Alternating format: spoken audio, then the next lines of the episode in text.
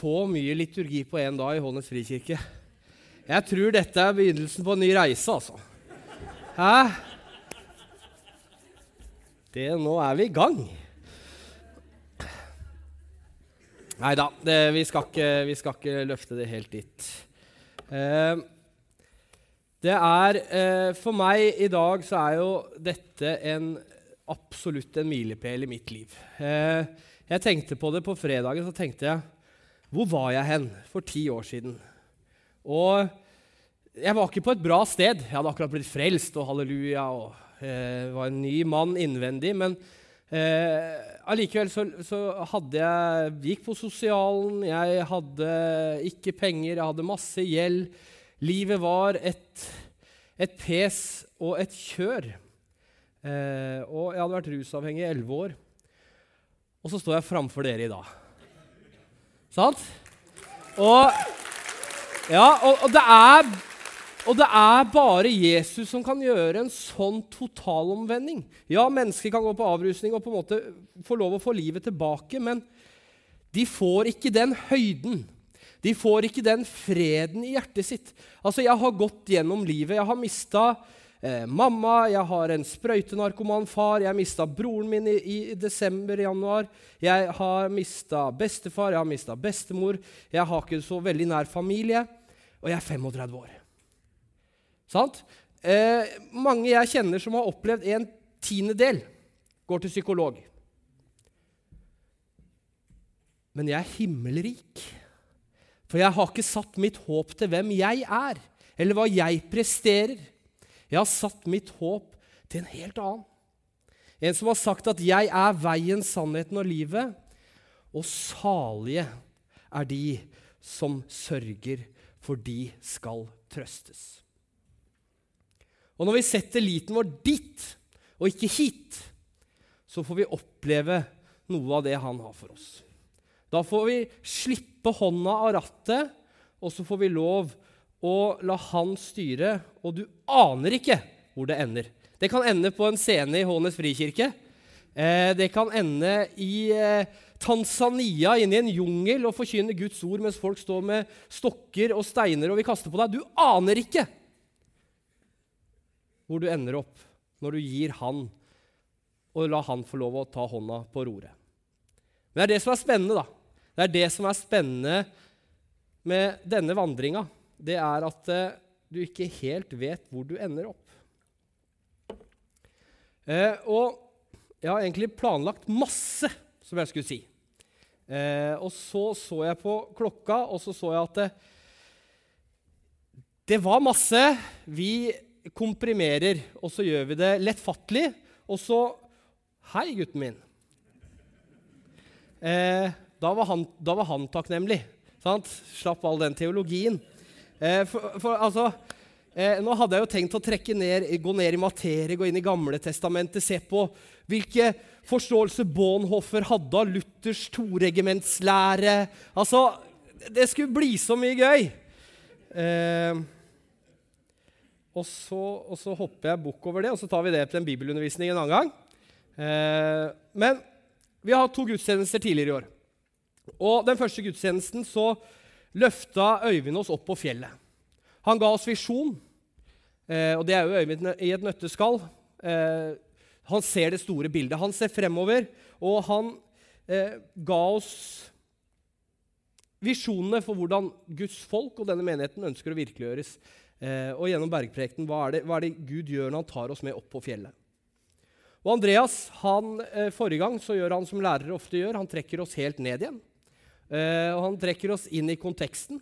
og Han gir oss en forståelse og han gir oss noen nøkler til hvordan vi skal tolke bergprekten. For bergprekten det er grunnlaget for all vestlig sivilisasjons etikk og moral. Det er på det vi har bygd demokratiet, og det er på det Norge er bygd. Og bergprekten, da kunne vi stått her i 85 timer og fortsatt ikke vært ferdig. For den har vært diskutert. Og, og, og i middelalderen nå hopper jeg litt inn på teologi, men, teologihistorien. Men i middelalderen så prøvde den katolske kirke å etterleve bergprekenens etikk. Og måten de gjorde det på, var at de tok de geistlige ut fra vanlige mennesker. De ikke, fikk ikke lov å, å, leve som vanlige mennesker. De skulle, leve ikke, de skulle ikke ha kone, de skulle ikke leve et vanlig liv. Altså Man prøvde å etterleve bergprekenens etikk bokstavelig. Og vi ser jo litt hvordan det har gått. Det har ikke funka helt sånn som tenkt. Eh, men i de to versene som jeg har fått tildelt, så er det eh, i vers 3 og vers 4 i Matteus 5. Og Der står det.: Salige er de som er fattige i ånden, for himmelriket er deres. Og salige er de som sørger, for de skal trøstes. Denne teksten og det Jesus gjør i saligprisningen, det skjer ingen andre steder i Bibelen. Altså I Lukas 4 eh, så ser man en parallelltekst. Man, og man er litt uenig. Teologene er selvfølgelig litt uenige. Alle teologer er uenige. Men om, om sletteprekten i, i, Lukas 4, om det er den samme som i Matteus 5. Men det er noen saligprisninger der. Eh, og begge disse har sin, sitt grunnlag i fra Jesaja 61. I, I vers 3 så står det Herrens ånd er over meg, for Herren har salvet meg. Han har sendt meg for å forkynne et godt budskap for de hjelpeløse for å forbinde dem, dem som har et knust hjerte, rope ut frihet for dem som er i fangenskap, og frigjøring for dem som er bundet. For å rope ut et nådens år fra Herren og hevnens dag fra vår Gud, for å trøste alle som sørger. Det første ordet som dukker opp i mitt hode da, er halleluja. Eh, og jeg må jo si at dette lover litt godt. For jeg hadde problemer med Bonhoeffer. Når jeg leste Bonhoeffer i 2014, så Og bergprekenen også generelt. Du kan fort havne over i en lovisk grøft. Du kan havne over i å tenke 'jeg må, jeg må prestere, jeg må gjøre, jeg må følge', jeg må Uff. Jeg blir sliten av all den der gjøringa og, og lovens følging. Og jeg, jeg tror nok kanskje at israelittene når, når, Moses kommer ned fra fjellet, møter dette. De møter loven. Og den er ikke skrevet i hjertet. Det er ikke Jesus som ser på deg med milde øyne, men det er Moses som kommer ned fra fjellet. Og han er ikke happy, altså.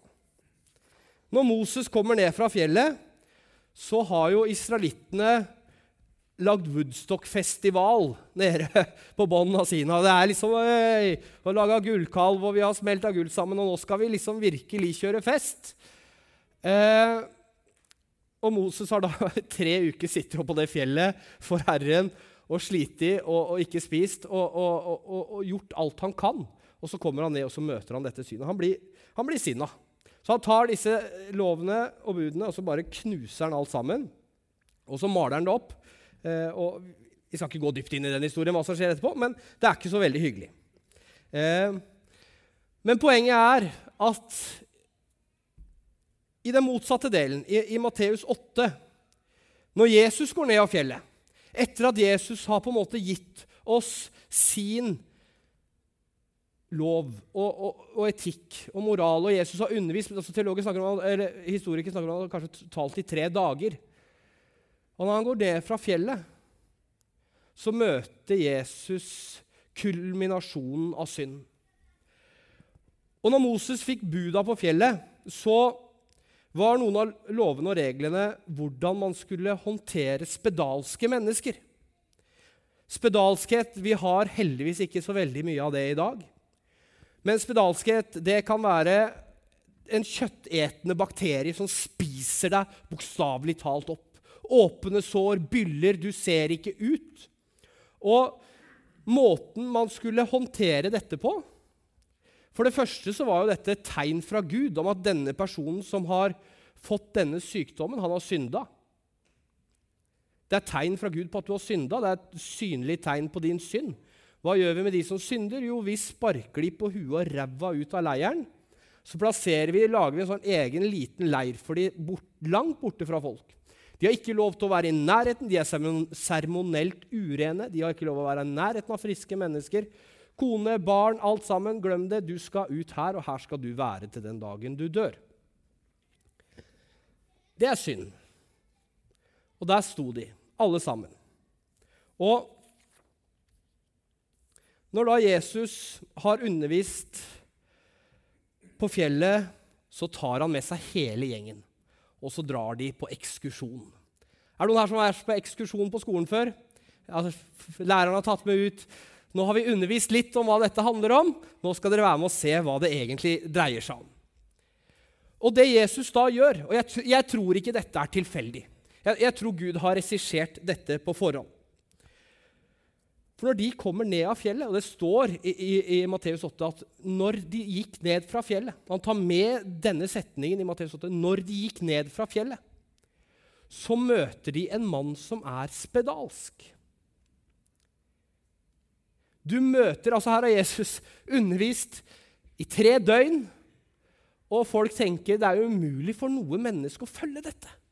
Dette går ikke, Jesus. Og Så sier Jesus, 'Kom, skal dere være med meg på ekskursjon.' Og Så går de ned av fjellet, og så møter de legemliggjørelsen av synd. Og hva er det Jesus gjør? Altså Vanligvis så ville man jo tenkt Shit, det er en som er spedalsk. Ungen er bort. Alle sammen. Han kan, han kan, jo være gal. Han kan jo ha sykdommer. Han er smittsom. Han har ikke lov å være her. Få alle vekk. Ta steiner. Kom igjen, folkens. Og man ville reagert litt sånn som Moses gjorde når han kom ned fra fjellet. Han ble sinna når han så synden hos menneskene. Hva er det Jesus gjør?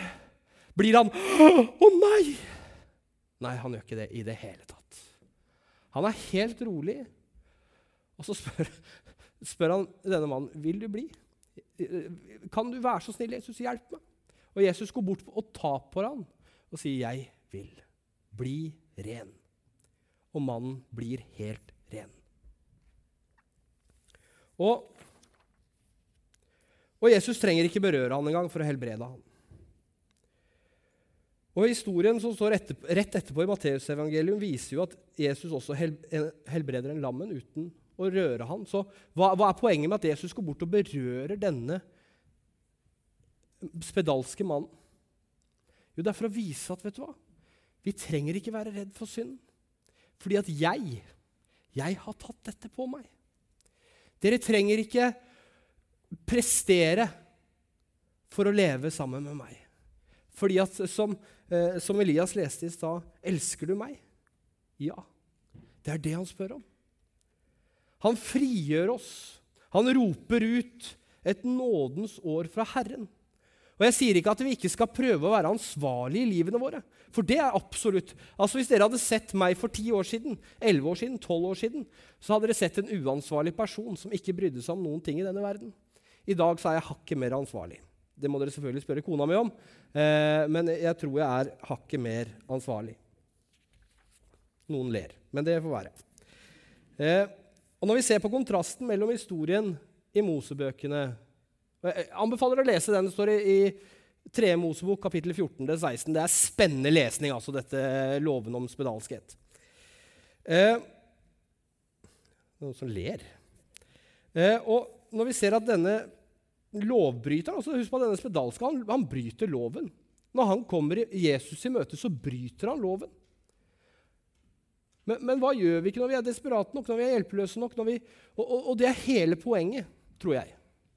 At loven ble gitt ved Moses, og den var skrevet i stein, og det var Guds intensjon. Og så hadde Gud en større plan med å frelse alle mennesker, og det ser vi når Jesus kommer. Og freden den har blitt gjenopprettet med Jesus. Vi har blitt 100% helbredet. Jesus har forandret alle. Folkemengden kan ikke unngå å legge merke til hvordan Jesus først underviser i tre dager om lov, evangelium, sørg, de som trøster, de som sørger, osv., osv.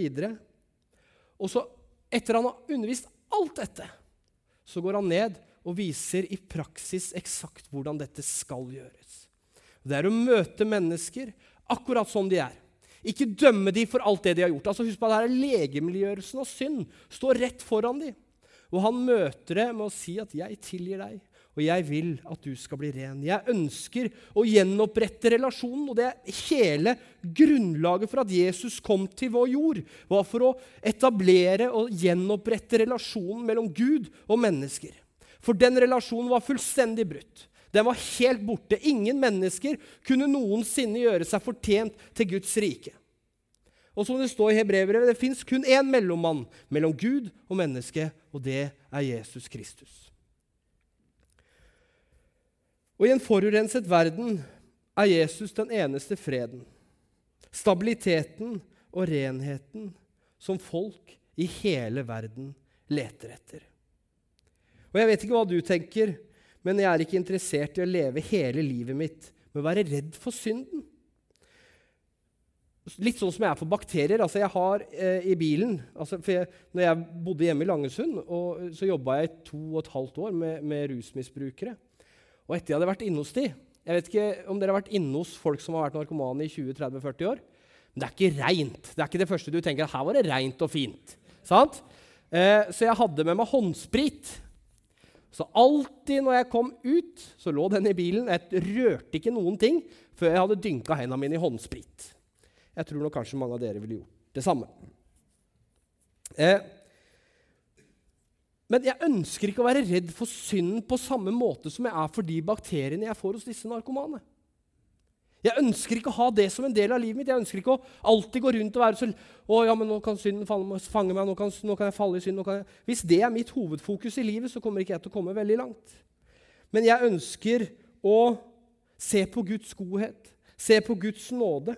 Jeg ønsker at den skal oppgløde meg. Jeg ønsker at jeg skal, altså Husk på at vi er denne spedalske mannen på bunnen av fjellet. Hver og en av oss. Og Hvis noen av dere prøver å løfte dere opp og si nei, ikke meg, ikke meg Glem det. Vi er der alle sammen. Ingen av oss kan frelse oss selv. Vi trenger alle sammen Jesus. Og jeg tror Jesus sier det at eh, du tror at det er det utvendige og den utvendige sykdommen som er ille. Du har noe langt verre inni deg. Din djevelske sykdom eter deg levende, og den heter synd. Du er døende, og du trenger å bli gitt nytt liv. Men jeg er kommet ned fra fjellet for å reparere det som er ødelagt. Jeg har kommet ned fra fjellet, fjellet for, ikke for å påføre deg den straffen du fortjener, men for å drikke straffen din slik at jeg kan gi deg nytt liv.